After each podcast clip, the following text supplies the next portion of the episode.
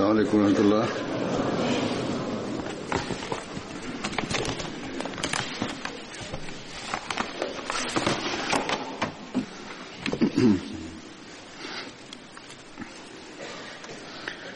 أشهد أن لا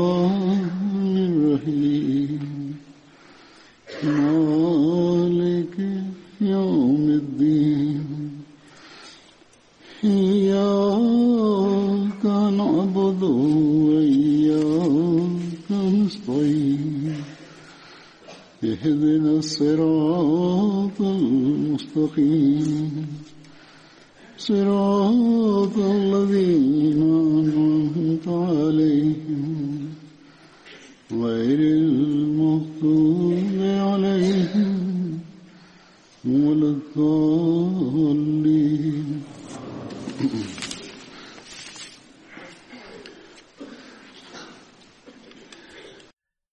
Riwayat sahabat Badar yang akan saya sampaikan pada hari ini pertama adalah Hadrat Abdullah bin Ar-Rabi Ansari.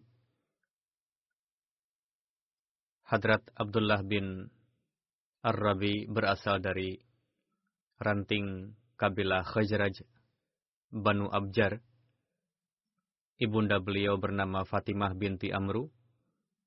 Beliau ikut serta pada bayat Aqabah kedua, mendapatkan kemuliaan untuk ikut serta pada perang Badar, Uhud, dan Mu'tah, dan syahid pada perang Mu'tah.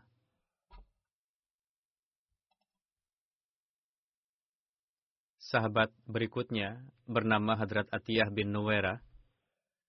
Beliau ikut serta pada perang Badar.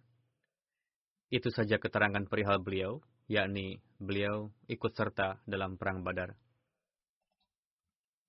Sahabat berikutnya Hadrat Sahal bin Qais. Ibunda beliau bernama Nailah binti Salamah. Beliau adalah sepupu dari penyair terkenal Hadrat Ka'ab bin Malik.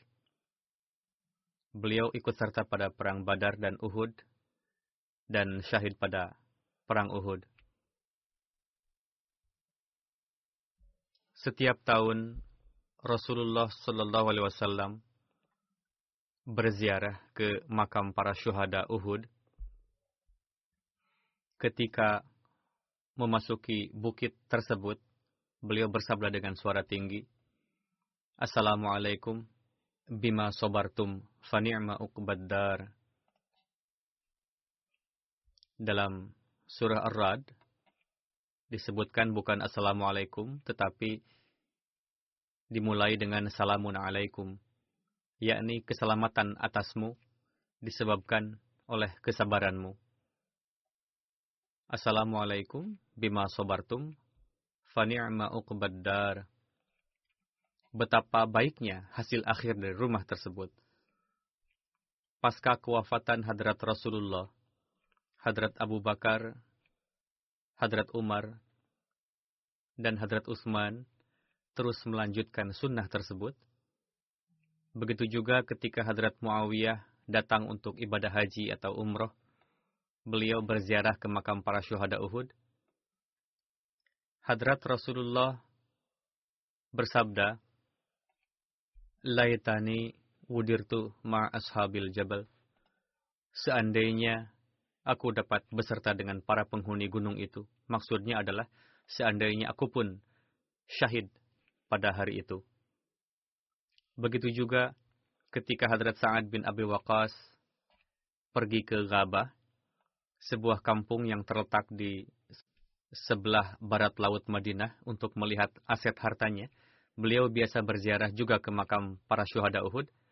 Beliau tiga kali mengucapkan salam, lalu melihat ke arah kawan-kawan beliau dan mengatakan, Apakah kalian tidak mengirimkan keselamatan kepada mereka yang akan menjawab salam kalian? Barang siapa yang mengucapkan salam kepada mereka, yakni para syuhada Uhud, maka mereka akan menjawab salam itu di hari kiamat nanti.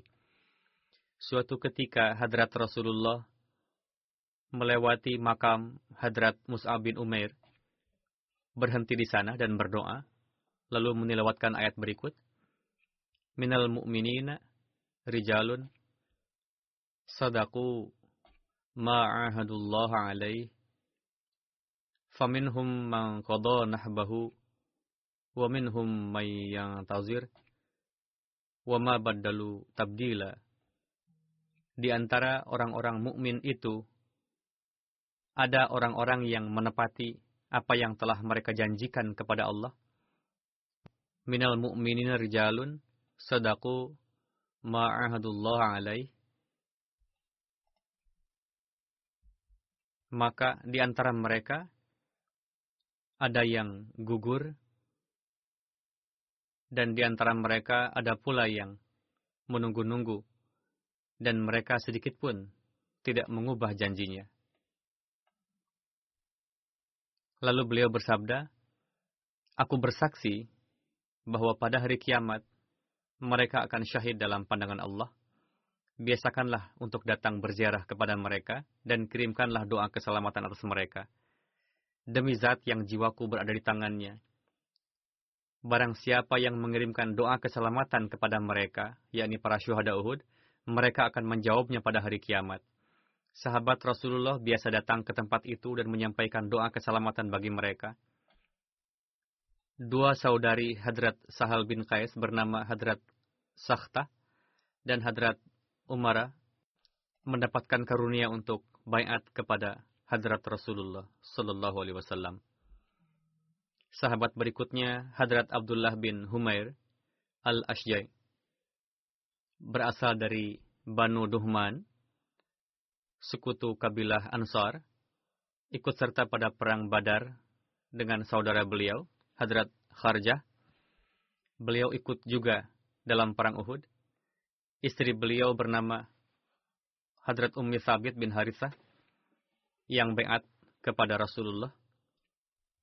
Hadrat Abdullah bin Humair termasuk ke dalam beberapa sahabat yang tetap bertahan di bukit Uhud bersama dengan Hadrat Abdullah bin Zubair ketika para sahabat lainnya akan turun ke lembah untuk bergabung dengan pasukan muslim lainnya setelah melihat pemandangan kemenangan, Hadrat Abdullah bin Humair berdiri untuk menasihati mereka. Pertama-tama, beliau menyampaikan pujian kepada Allah Ta'ala, lalu menasihati para sahabat itu untuk taat kepada Rasulullah. Namun, mereka bersikap tidak taat terhadap perintah Hadrat Abdullah, lalu pergi.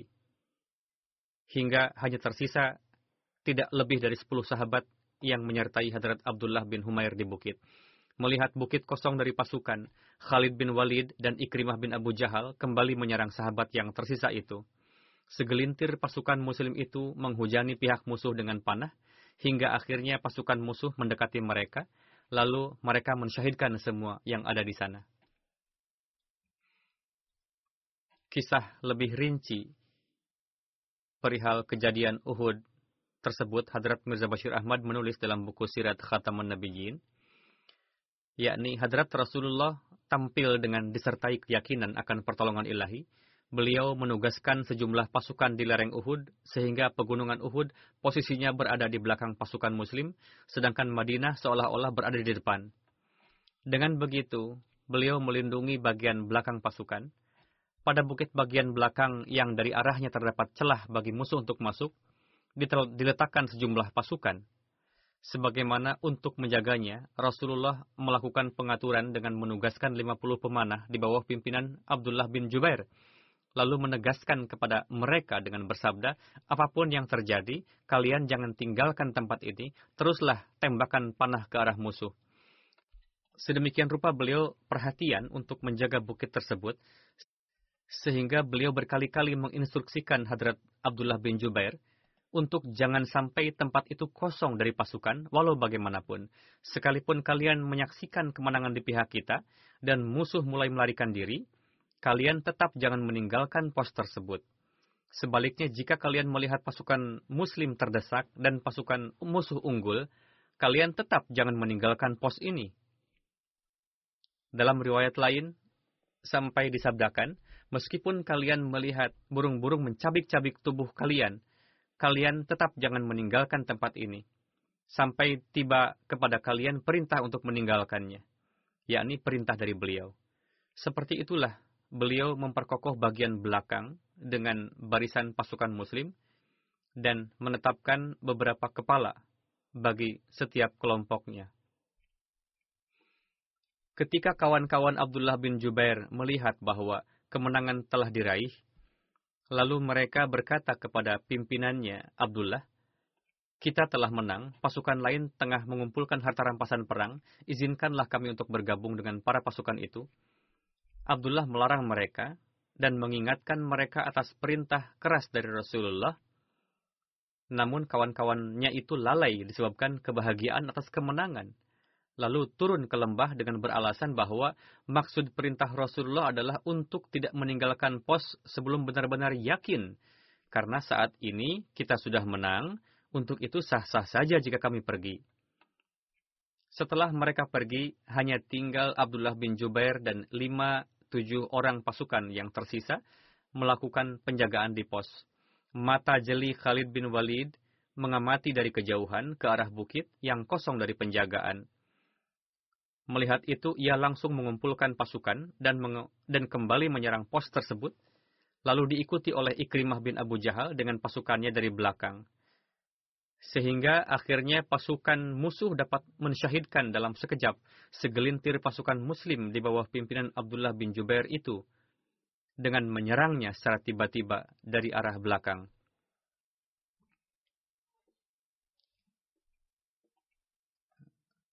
Sahabat berikutnya adalah Hadrat Ubaid bin Aus Ansari, putra dari Aus bin Malik. Hadrat Ubaid bin Aus ikut serta pada Perang Badar. Dalam Perang Badar beliau berhasil menawan Hadrat Ukail bin Abu Talib. Dikatakan juga bahwa beliau berhasil menawan Hadrat Abbas dan Hadrat Naufal ketika beliau mengikat ketiganya dengan tali, lalu mengirimnya ke hadapan Rasulullah, Rasulullah bersabda, Laqad a'anaka alaihim malakun karim. Sesungguhnya dalam hal ini, seorang malaikat mulia telah menolongmu. Atas hal itu, Rasulullah menjuluki beliau dengan sebutan muqarrin. Artinya, orang yang mengikat dengan rantai. Dalam riwayat lain juga dikatakan bahwa yang menawan Hadrat Abbas pada perang Badar adalah Hadrat Abul Yasar Ka'ab bin Amru. Hadrat Ubaid bin Aus menikahi Hadrat Umaymah binti An-Nu'man. Hadrat Umaymah pun beriman kepada Hadrat Rasulullah.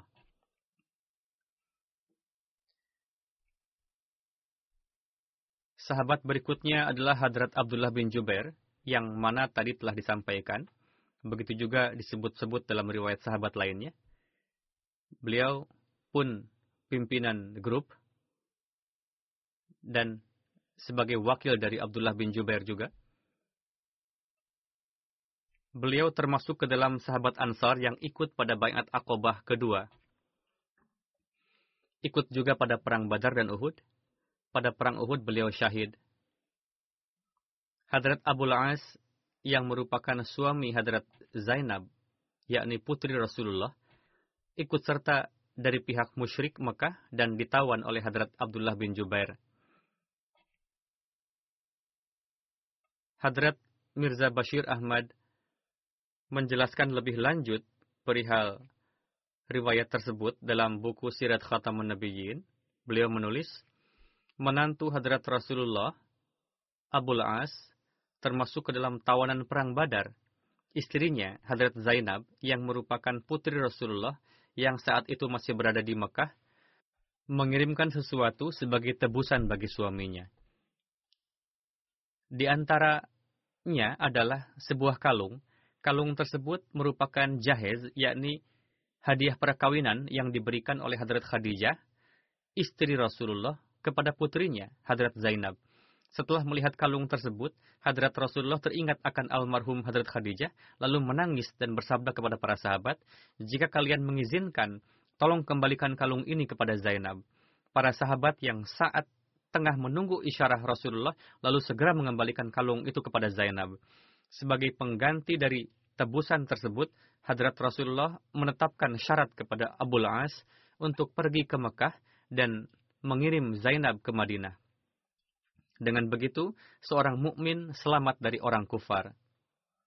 Beberapa masa kemudian, Abul As juga bayat masuk Islam, lalu hijrah ke Madinah. Akhirnya suami istri tersebut dapat berkumpul bersama di Madinah. Pada perang Uhud, Hadrat Rasulullah menetapkan Hadrat Abdullah bin Jubair sebagai komandan pasukan pemanah yang berjumlah 50 orang dan diperintahkan untuk menjaga pos yang berada di bagian belakang pasukan Muslim. Kisah lengkapnya telah dijelaskan dalam riwayat hidup Hadrat Abdullah bin Humair. Selebihnya ditulis oleh Hadrat Mirza Bashir Ahmad sebagai berikut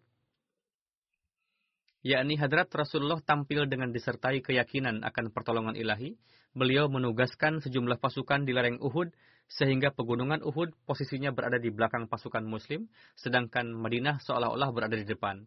Dengan begitu, beliau melindungi bagian belakang pasukan.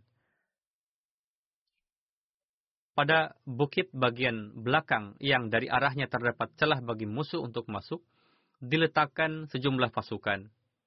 Sebagaimana untuk menjaganya, Rasulullah melakukan pengaturan dengan menugaskan 50 pemanah di bawah pimpinan Abdullah bin Jubair lalu menegaskan kepada mereka dengan bersabda, apa pun yang terjadi, kalian jangan tinggalkan tempat ini. Teruslah tembakan panah ke arah musuh. Sedemikian rupa beliau perhatian untuk menjaga bukit tersebut, sehingga beliau berkali-kali menginstruksikan Abdullah bin Jubair untuk jangan sampai tempat itu kosong dari pasukan, walau bagaimanapun. Sekalipun kalian menyaksikan kemenangan di pihak kita, dan musuh mulai melarikan diri, kalian tetap jangan meninggalkan pos tersebut. Sebaliknya, jika kalian melihat pasukan muslim terdesak dan pasukan musuh unggul, kalian tetap jangan meninggalkan pos ini.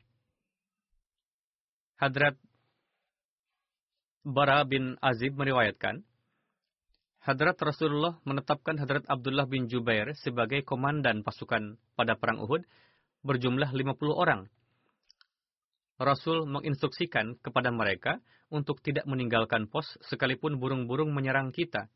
Tetaplah di tempat, supaya kalian tetap terjaga.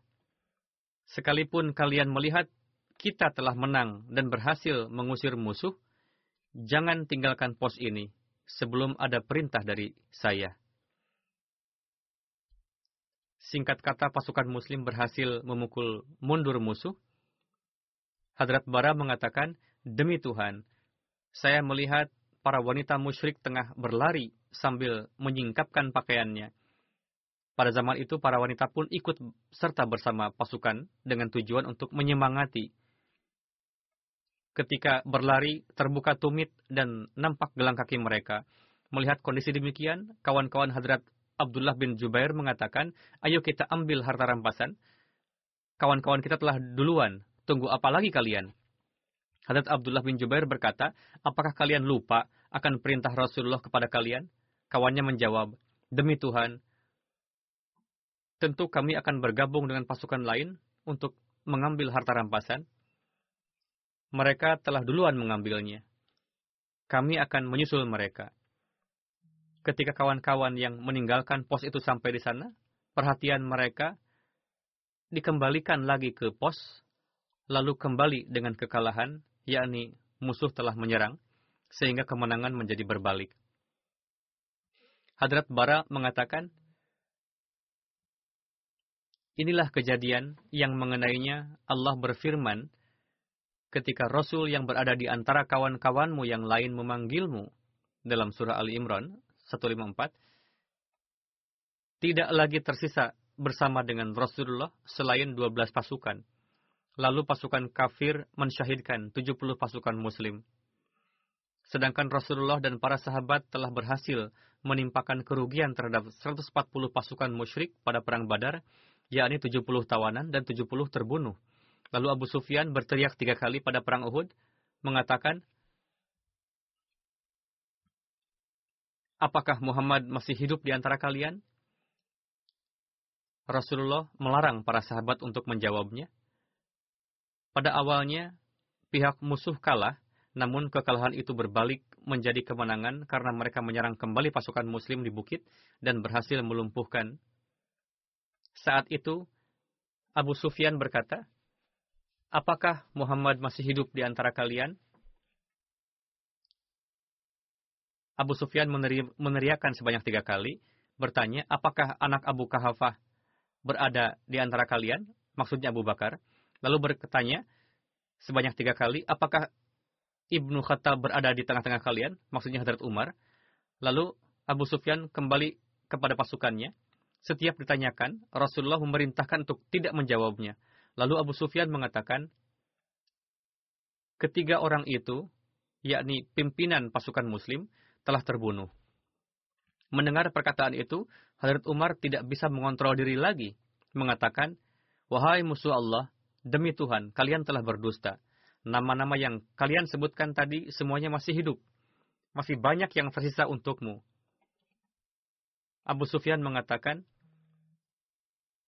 Peperangan ini adalah balasan atas perang Badar. Peperangan seperti genderang, kadang kemenangan berpihak ke sini, kadang ke sana kalian akan mendapati korbannya yang sudah kehilangan hidungnya, yakni sudah dimutilasi. Aku tidak memerintahkannya dan tidak juga aku menganggapnya perbuatan yang buruk. Setelah itu, ia meneriakan kalimat, Ulu Hubal, Ulu Hubal, hidup Hubal, hidup Hubal. Lalu Hadrat Rasulullah bersabda, apakah kalian tidak akan menjawabnya? Sahabat bertanya, apa yang harus kami katakan? Beliau bersabda, katakanlah, Allahu a'la wa ajal. Allah lah yang maha agung dan maha perkasa. Lalu Abu Sufyan mengatakan, berhala yang bernama Uzza adalah milik kami. Kalian tidak punya Uzza. Mendengar hal itu, Rasulullah bersabda, apakah kalian tidak akan menjawabnya? Hadrat Bara bin Azib mengatakan, sahabat bertanya, apa yang harus kami katakan, wahai Rasul? Beliau bersabda, katakanlah, Allahu maulana wala maulalakum yakni Allah adalah penolong kami, sedangkan kalian tidak punya penolong. Berkenaan dengan peristiwa Perang Uhud, Hadrat Muslim Ma'ud pun menjelaskannya cukup rinci.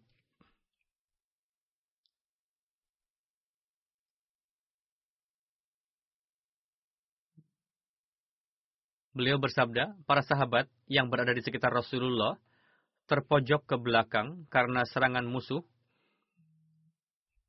setelah itu mereka berkumpul di sekitar Rasulullah. Mereka mengangkat tubuh beberkat Rasulullah. Seorang sahabat bernama Ubaidah bin Al-Jarrah mencabut potongan besi yang menancap di kepala Rasul dengan giginya yang menyebabkan patahnya gigi sahabat tersebut. Tidak lama kemudian Rasulullah sadarkan diri lalu sahabat menggiring para sahabat lain yang berada di empat penjuru untuk berkumpul lagi. Pasukan yang tadi meninggalkan pos pun mulai berdatangan dan berkumpul lagi. Kemudian Rasulullah mengajak mereka ke lereng bukit. Ketika pasukan muslim berdiri di lereng bukit, Abu Sufyan berteriak mengatakan, kami telah membunuh Muhammad. Rasulullah tidak merespon perkataan Abu Sufyan dengan tujuan supaya pihak musuh jangan sampai mengetahui keadaan sesungguhnya lalu menyerang lagi karena pasukan muslim kondisinya sudah lemah. Jangan sampai pihak musuh menyerang pasukan muslim yang sudah terluka-luka. Ketika mengetahui tidak adanya jawaban dari pasukan muslim, Abu Sufyan merasa yakin dengan anggapannya. Lalu ia berteriak lagi dengan mengatakan, kami pun telah membunuh Abu Bakar. Lalu Rasulullah memerintahkan Abu Bakar untuk tidak meresponnya. Lalu Abu Sufyan meneriakan lagi, kami pun telah membunuh Umar. Hadrat Umar yang bertabiat pemberani ingin menjawab dengan mengatakan bahwa kami semua dengan karunia Allah Ta'ala masih hidup dan siap untuk menghadapi kalian. Namun Rasulullah melarang beliau, jangan sampai responnya itu membuat pasukan muslim menderita. Untuk itu diamlah. Sekarang kaum kufar semakin yakin bahwa mereka telah berhasil membunuh pendiri Islam dan orang-orang kepercayaannya. Lalu Abu Sufyan dan kawan-kawannya sambil berbahagia berteriak, Ulu Hubal. Ulu Hubal. Artinya, Maha Agung berhala kami Hubal. Karena hari ini ia telah memusnahkan Islam. Rasulullah yang telah berkali-kali memerintahkan untuk tetap diam ketika diteriakan bahwa beliau, Hadrat Abu Bakar, dan Hadrat Umar dianggap wafat, supaya jangan sampai pasukan kufar menyerang lagi pasukan muslim yang sudah terluka parah, sehingga segelintir pasukan muslim yang tersisa itu jangan sampai disyahidkan pula. Namun ketika berkaitan dengan kehormatan Tuhan yang Maha Esa, dan yel-yel syirik diteriakan di lapangan, seketika itu juga ruh beliau gelisah Lalu dengan penuh gejolak, Rasulullah bersabda kepada para sahabat, kenapa kalian tidak menjawabnya? Sahabat bertanya, wahai Rasulullah, apa yang harus kami katakan? Beliau bersabda, katakanlah, Allahu a'la wa ajal. Allahu a'la wa ajal. Kalian telah berdusta dengan mengatakan bahwa keagungan Hubal semakin menjulang. Sebenarnya Allah lah yang Maha Esa dan tiada sekutu baginya. Yang Maha Mulia. Keagungannya lah yang Maha Unggul. Dengan begitu beliau pun mengabarkan kepada musuh bahwa beliau masih hidup. Respon yang sangat berani tersebut sedemikian rupa memberikan dampak yang dahsyat kepada pasukan musuh, sehingga meskipun harapan mereka telah luluh lantah dengan respon tersebut, dan meskipun di hadapan mereka pasukan muslim yang tinggal segelintir masih berdiri di dekat mereka, yang mana jika mereka menyerang pasukan muslim untuk menghabisinya sangatlah mungkin dari sisi duniawi, namun mereka tidak berani untuk menyerang lagi. Namun setelah mendengar yel-yel dan melihat gejolak semangat pasukan muslim, pasukan muslim yang sedang berpesta merayakan kemenangannya justru malah mundur teratur pulang ke Mekah. Hadrat Muslim Ma'ud bersabda lebih lanjut dalam menjelaskan satu ayat, falyahdharil ladzina yukhalifuna an amrihi an tusibahum fitnatun aw yusibahum azabun alim yakni mereka yang menentang perintah Rasul seharusnya takut jangan sampai turun kepada mereka azab dari Allah taala atau terjerumus di dalam azab yang pedih. Beliau bersabda, "Coba perhatikan, disebabkan karena melanggar perintah tersebut. Dalam perang Uhud, pasukan muslim mendapatkan kerugian yang besar." Rasulullah telah menetapkan 50 pasukan untuk menjaga lereng bukit.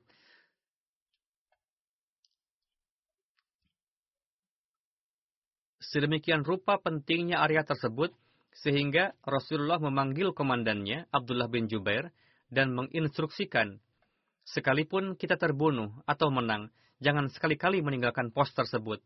Namun ketika pihak musuh terdesak dan pasukan muslim berhasil memukul mundur, para pasukan yang telah ditetapkan untuk menjaga pos tadi mengatakan kepada komandannya, sekarang kita sudah menang. Tidak ada gunanya lagi kita berada di sini. Izinkanlah kami untuk mengambil hadiah dari jihad ini. Komandan menegaskan, janganlah kalian melanggar perintah Rasul. Rasul telah memerintahkan untuk tidak meninggalkan pos ini, sekalipun kalian menang atau kalah. Untuk itu, aku tidak dapat mengizinkan kalian. Pasukan berkata, Bukanlah maksud dari Rasulullah untuk tidak bergerak sekalipun sudah menang. Tujuan beliau hanya untuk menekankan saja. Sekarang sudah menang, apalagi yang akan kita lakukan di sini? Lalu beberapa pasukan tersebut lebih mengutamakan pendapatnya di atas perintah Rasul dan meninggalkan pos itu. Yang tersisa hanya komandan, yakni Abdullah bin Jubair dan beberapa pasukan.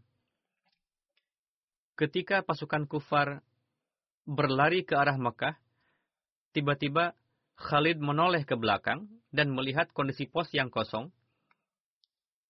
Khalid memanggil Amr bin As yang notabene keduanya belum masuk Islam dan berkata, Coba lihat, ini kesempatan yang sangat baik. Ayo kita balik menyerang pasukan muslim. Lalu kedua komandan itu mengumpulkan pasukannya yang tengah berlari, lalu menaiki bukit untuk menyerang pasukan muslim secara tiba-tiba.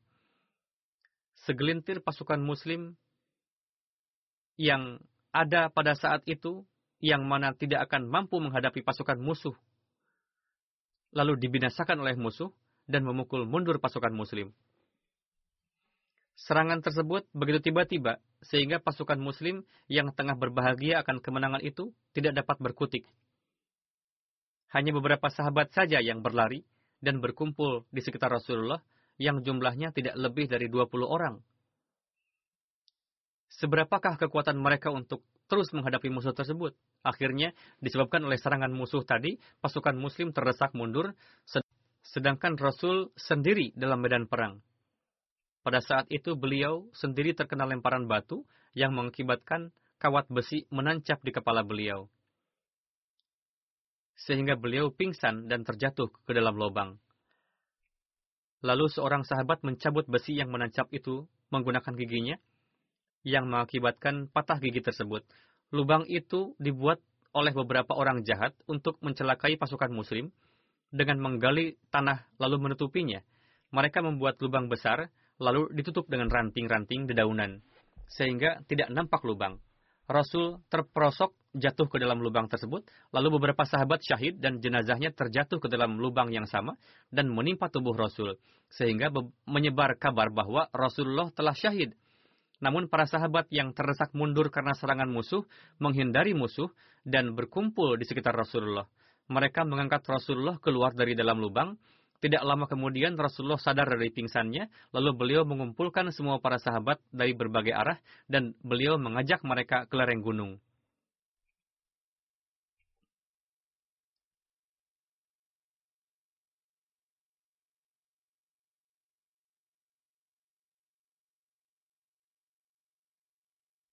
Yang akan saya sampaikan berikut adalah poin penting beliau mengambil kesimpulan bahwa setelah mendapat kemenangan atas kaum kufar, pasukan muslim mendapatkan kekalahan sementara karena beberapa pasukan muslim telah melanggar perintah Rasulullah dan alih-alih mengamalkan nasihat Rasul, mereka mulai berijtihad sendiri.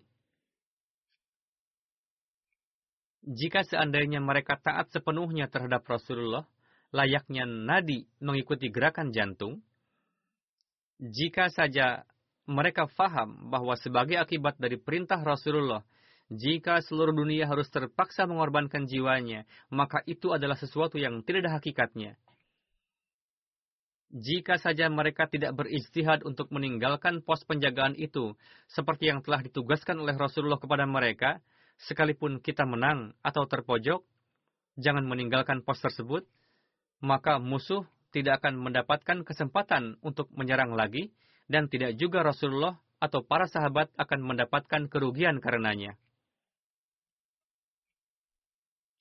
Beliau bersabda, dalam ayat ini Allah Ta'ala menekankan umat muslim bahwa mereka yang tidak taat sepenuhnya pada perintah Rasulullah dan mendahulukan ijtihadnya sendiri di atas perintah Rasulullah, menafsirkan sendiri perintah, hendaknya mereka takut jangan sampai bencana menimpa mereka atau terkena azab yang pedih.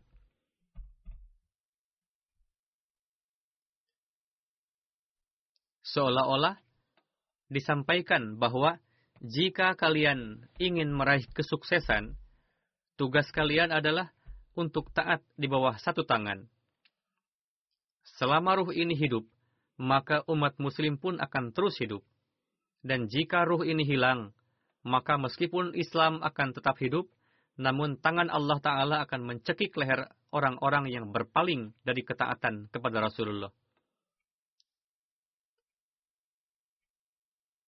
Kita saksikan pada masa ini, demikianlah kondisi umat muslim pada masa ini. Pertolongan Allah Ta'ala tidak menyertai mereka, sesuai dengan sabda Rasulullah untuk beriman kepada Masih dan Mahdi yang akan datang, untuk menyampaikan salam Rasulullah kepadanya, dan meyakininya sebagai hakim adil, umat muslim mulai menafsirkan sendiri semua perintah tersebut, dan akibatnya kita saksikan sendiri saat ini.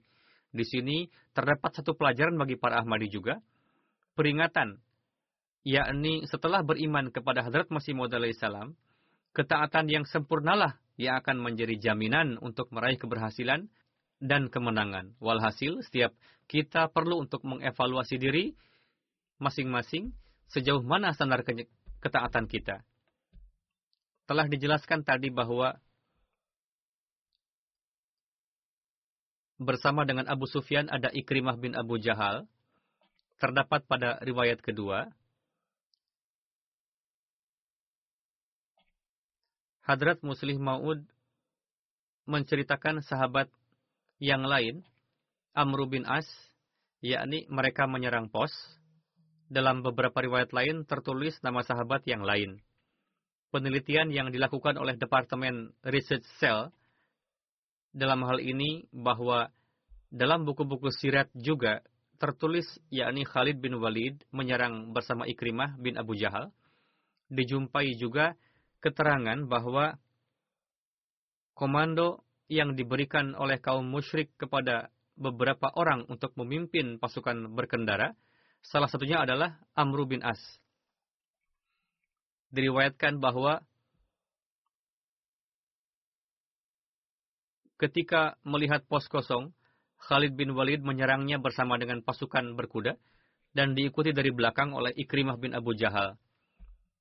Jika kita perhatikan dari satu sisi ketiga hal tersebut, dapat terlihat kesesuaian berdasarkan referensi dari Hadrat Muslim Maud dan kitab-kitab sejarah lainnya bahwa karena pengawas pasukan berkuda kaum musyrikin adalah Hadrat Amr bin As, untuk itu beliau pun ikut serta di dalamnya.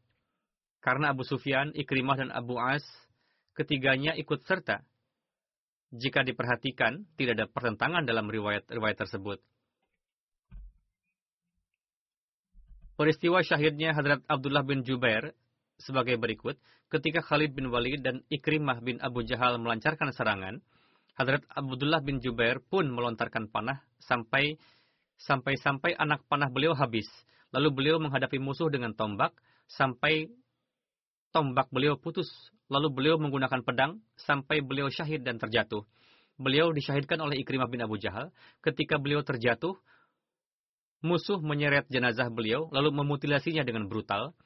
Begitu kejamnya tubuh beliau ditombaki sehingga usus keluar dari tubuh beliau. Hadrat Khawad bin Jubair meriwayatkan, ketika kondisi Hadrat Abdullah bin Jubair seperti itu, pasukan lainnya sampai di tempat jenazah beliau. Saya pun bersama mereka. Saya tertawa ketika tidak ada yang tertawa. Saya mengantuk ketika tidak ada orang yang mengantuk saat itu. Saya kikir ketika tidak ada orang yang kikir saat itu. Dikatakan kepada beliau bahwa tidaklah mungkin ketika kondisi tersebut di dialami oleh manusia. Hadrat Khawat menjawab, saya mengangkat Hadrat Abdullah dengan kedua lengan, lalu saya mengikat luka beliau dengan sorbanku.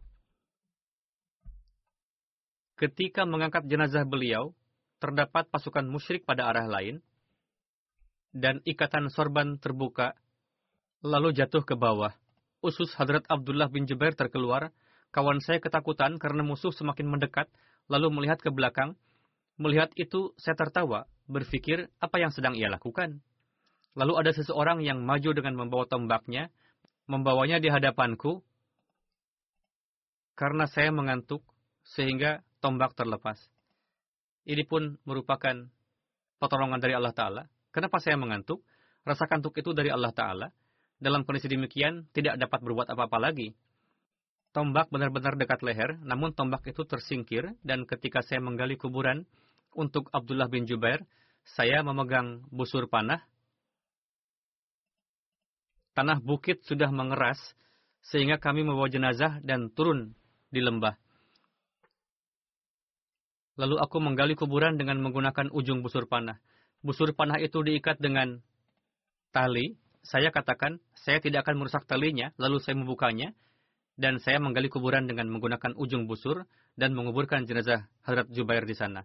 Sebagaimana Allah Ta'ala telah menjadikan Hadrat Abdullah bin Jubair dan sahabat-sahabat lainnya sebagai orang yang memahami ruh perintah disertai dengan ketaatan. Semoga kita pun diberikan taufik untuk dapat memahami perintah dan taat sepenuhnya akan hal itu, sehingga dapat terus menjadi pewaris karunia-karunia Allah Ta'ala.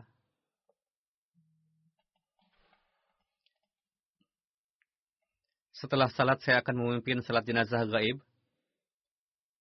Almarhum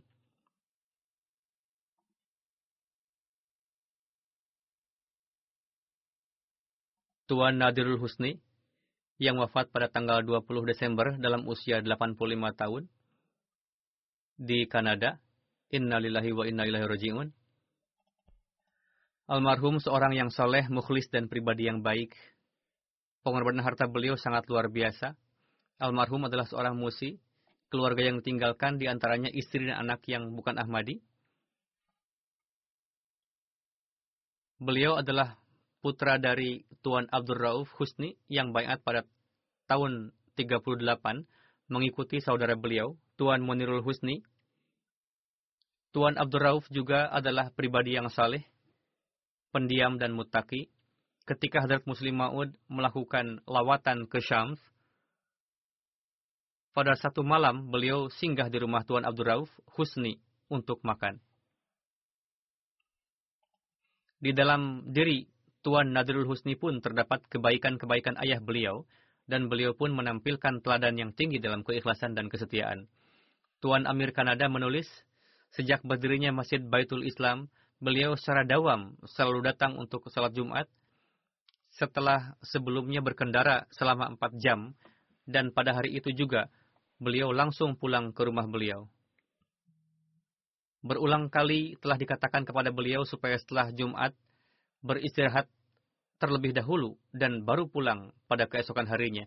Namun dengan cara beliau yang khas, selalu ada saja alasan yang beliau kemukakan dan tetap pulang sehingga tidak menyusahkan jemaat dalam bentuk apa pun. Cara seperti ini beliau terus lakukan hingga saat-saat sakit beliau yang terakhir. Bertahun-tahun beliau menjadi muazzin salat Jumat di Masjid Baitul Salam. Cara mengumandangkan azan beliau pun memiliki suatu kekhasan dan ada suatu perasaan yang unik yang membuat orang-orang larut mendengarnya. Istri almarhum yang seorang Gair Ahmadi, Nyonya Samia, menulis, Semoga Allah Ta'ala menempatkan Tuan Nadirul Husni di surganya yang luas. Beliau adalah pribadi yang tulus, jujur, dan mukhlis bagi keluarga dan jemaat. Beliau berusaha memenuhi kebutuhan setiap orang yang membutuhkan dan memperlakukannya dengan penuh kasih sayang. Beliau secara diam-diam memberikan bantuan sesuai dengan kemampuan kepada seorang wanita gair Ahmadi yang miskin. Ketika kami datang untuk menemuinya, almarhum Tuan Nadirul Nadir terlebih dahulu pergi ke pasar untuk membeli barang-barang kebutuhan, lalu pergi ke rumahnya. Rutinitas ini beliau lakukan hingga sebelum kewafatan beliau. Beliau mengatakan sepanjang hidup saya tidak pernah melihat orang yang sesabar beliau dalam menghadapi penyakit yang seperti itu. Setiap waktu kalimat Alhamdulillah selalu terucap dari lisan beliau. Beliau bermunajat kepada Allah Ta'ala dengan hati yang penuh dengan rasa takut kepadanya. Beliau melaksanakan salat lima waktu dan tahajud dengan disiplin. Setiap orang yang mengenal beliau mengaku sifat baik beliau. Tuan Mu'tazil Kazak dari Kanada menulis, pada saat masih tinggal di Syria, saya telah mendengar mengenai Tuan Nadirul Husni. Keluarga Husni dikenal dengan keikhlasannya kepada jemaat dan hubungannya dengan khilafat. Setelah tiba di Kanada, saya bertemu dengan Tuan Nadirul Husni di masjid. Beliau seseorang yang berfitrat baik dan periang. Pada saat saya berbincang dengan beliau, saya terkesan dengan kecintaan beliau kepada khilafat dan kesenangan beliau bertemu dengan kawan-kawan di masjid. Bagi kami, kedisiplinan beliau dalam salat merupakan suatu teladan yang harus kami ambil pelajaran darinya. Setelah kewafatan beliau, istri dan anak beliau datang ke Toronto, dan sesuai kepengurusan di jemaat, saya mendapatkan taufik untuk berkhidmat, menghidmati beliau, membantu mengafani dan menguburkan beliau. Istri beliau menceritakan kepada saya, di daerah kami ada tiga masjid, semuanya menanyakan mengenai pengurusan jenazah beliau dan sebagainya. Meskipun mereka gair Ahmadi, akan tetapi saya katakan kepada mereka bahwa almarhum akan disalatkan di masjid di mana beliau biasa melaksanakan salat. Ketika peti jenazah beliau diturunkan ke dalam kuburan, saya menangis karena teringat dengan suatu perkataan paman saya, almarhum Tuan Sami Kazak. Saya di dekat beliau ketika beliau sakit yang terakhir. Suatu hari sambil menangis beliau mengatakan kepada saya, sampaikanlah kepada Hadrat Amirul Mukminin tercinta bahwa saya sangat mencintai beliau dan saya tetap setia kepada khilafat hingga akhir hidup saya. Kira-kira beliau wafat pada masa khalifah ketiga. Inilah perkataan beliau. Ini jugalah kesan saya mengenai pribadi almarhum Tuan Nadir. Beliau memiliki hubungan yang penuh keikhlasan dan kesetiaan dengan khilafat.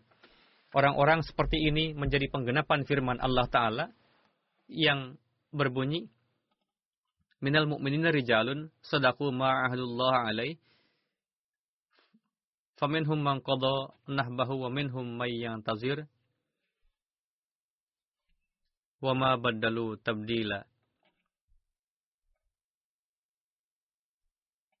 Kemudian Tuan Khazak mengatakan bahwa almarhum memiliki banyak kenangan dengan para khalifah. Ketika Hadrat Muslim Ma'ud datang ke Syria pada tahun 55, beliau mendapatkan karunia untuk menyertai huzur. Dan pada tanggal 3 Mei tahun 55, diadakan suatu majelis di sana bersama dengan para Ahmadi Syria. Hadrat Muslim Ma'ud dalam majelis tersebut berbicara kepada mereka dalam bahasa Arab.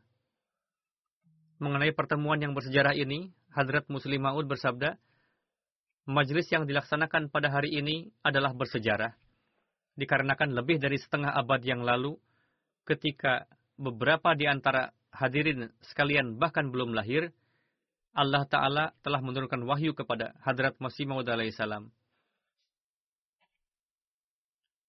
Yad'una laka abdalus syams wa ibadullahi minan Arab, yakni akan ada hamba Allah yang saleh dari antara Abdul Syams dan orang-orang Arab yang akan mendoakan engkau. Dan hari ini dengan keberadaan Anda sekalian, firman Allah Ta'ala ini telah tergenapi.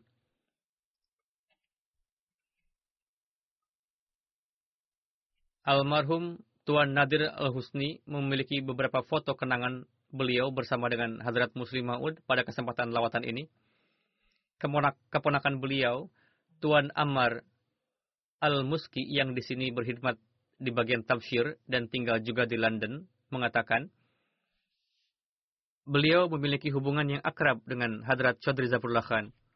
Almarhum juga menerjemahkan satu buku Hadrat Chaudhry Zafrullah Khan ke dalam bahasa Arab. Beliau memiliki hubungan yang erat dengan jemaat. Beliau tidak bisa tahan mendengar kata-kata yang tidak patut mengenai sosok Hadrat Masih Maud alaihissalam dan para khalifah.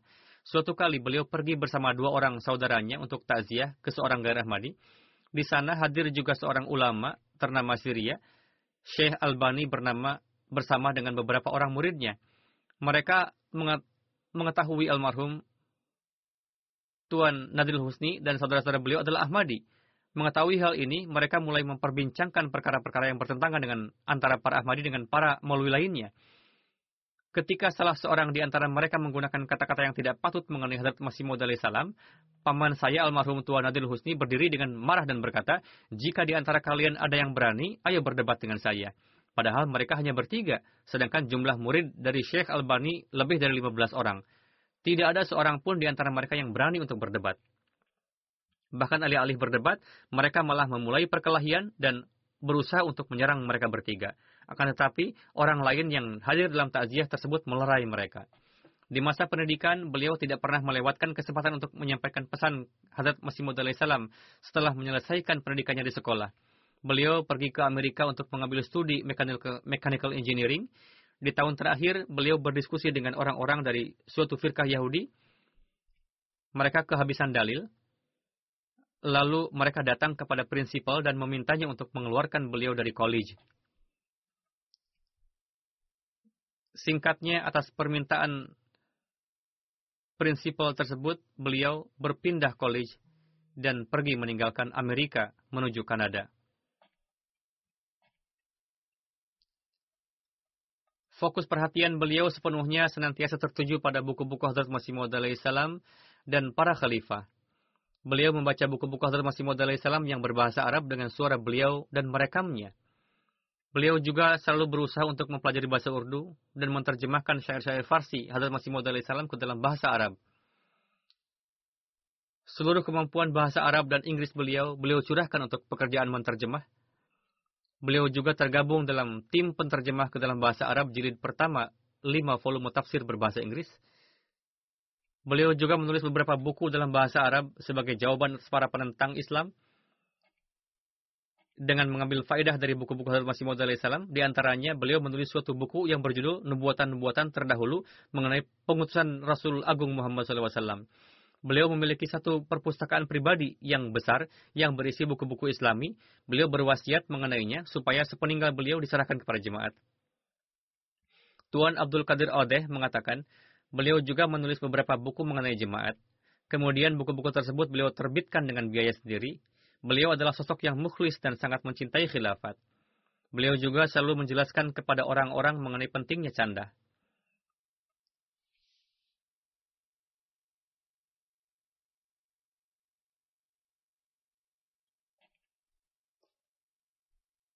Seorang mubalik yang juga dosen Jamiah Kanada, Tuan Abdul Razak Faraz, mengatakan, Beliau seorang yang sangat sabar dan senantiasa bersyukur.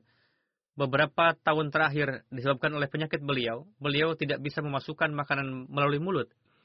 Beliau makan dengan bantuan mesin. Dalam kondisi seperti itu pun, ketika keadaan beliau membaik, beliau datang ke masjid untuk sholat Jumat.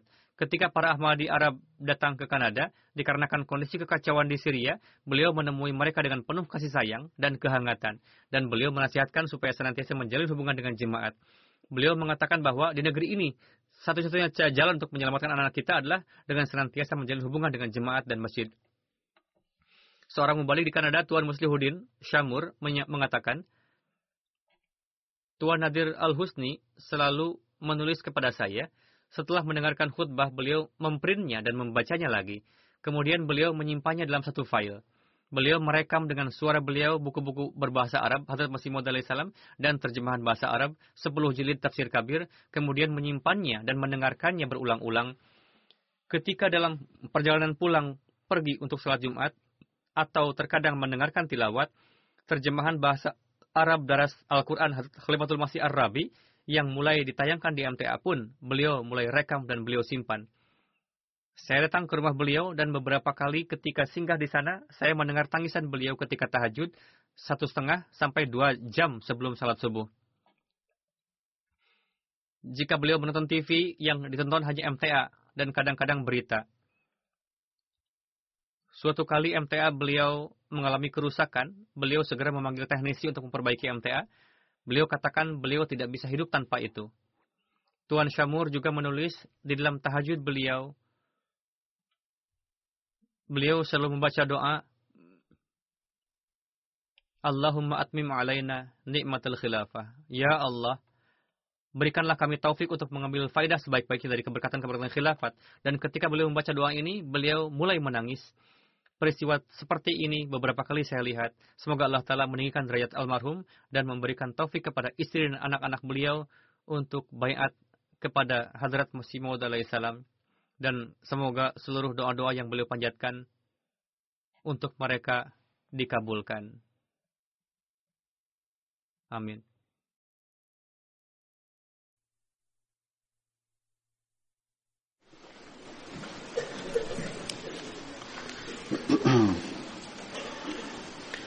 Alhamdulillah الحمد لله نحمده ونستعينه ونستغفره ونؤمن به ونتوكل عليه. ونعوذ بالله من شرور أنفسنا ومن سيئات أعمالنا. من يهده الله فلا مضل له ومن يضل فلا هادي له.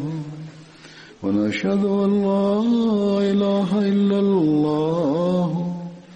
ونشهد أن محمدا عبده ورسوله. عباد الله رحمكم الله.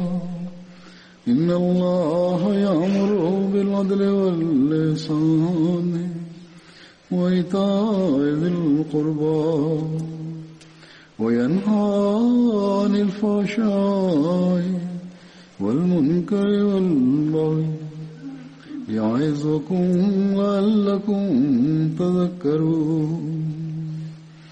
اذكروا الله يذكركم وادعوه يستجب لكم ولذكر الله أكبر.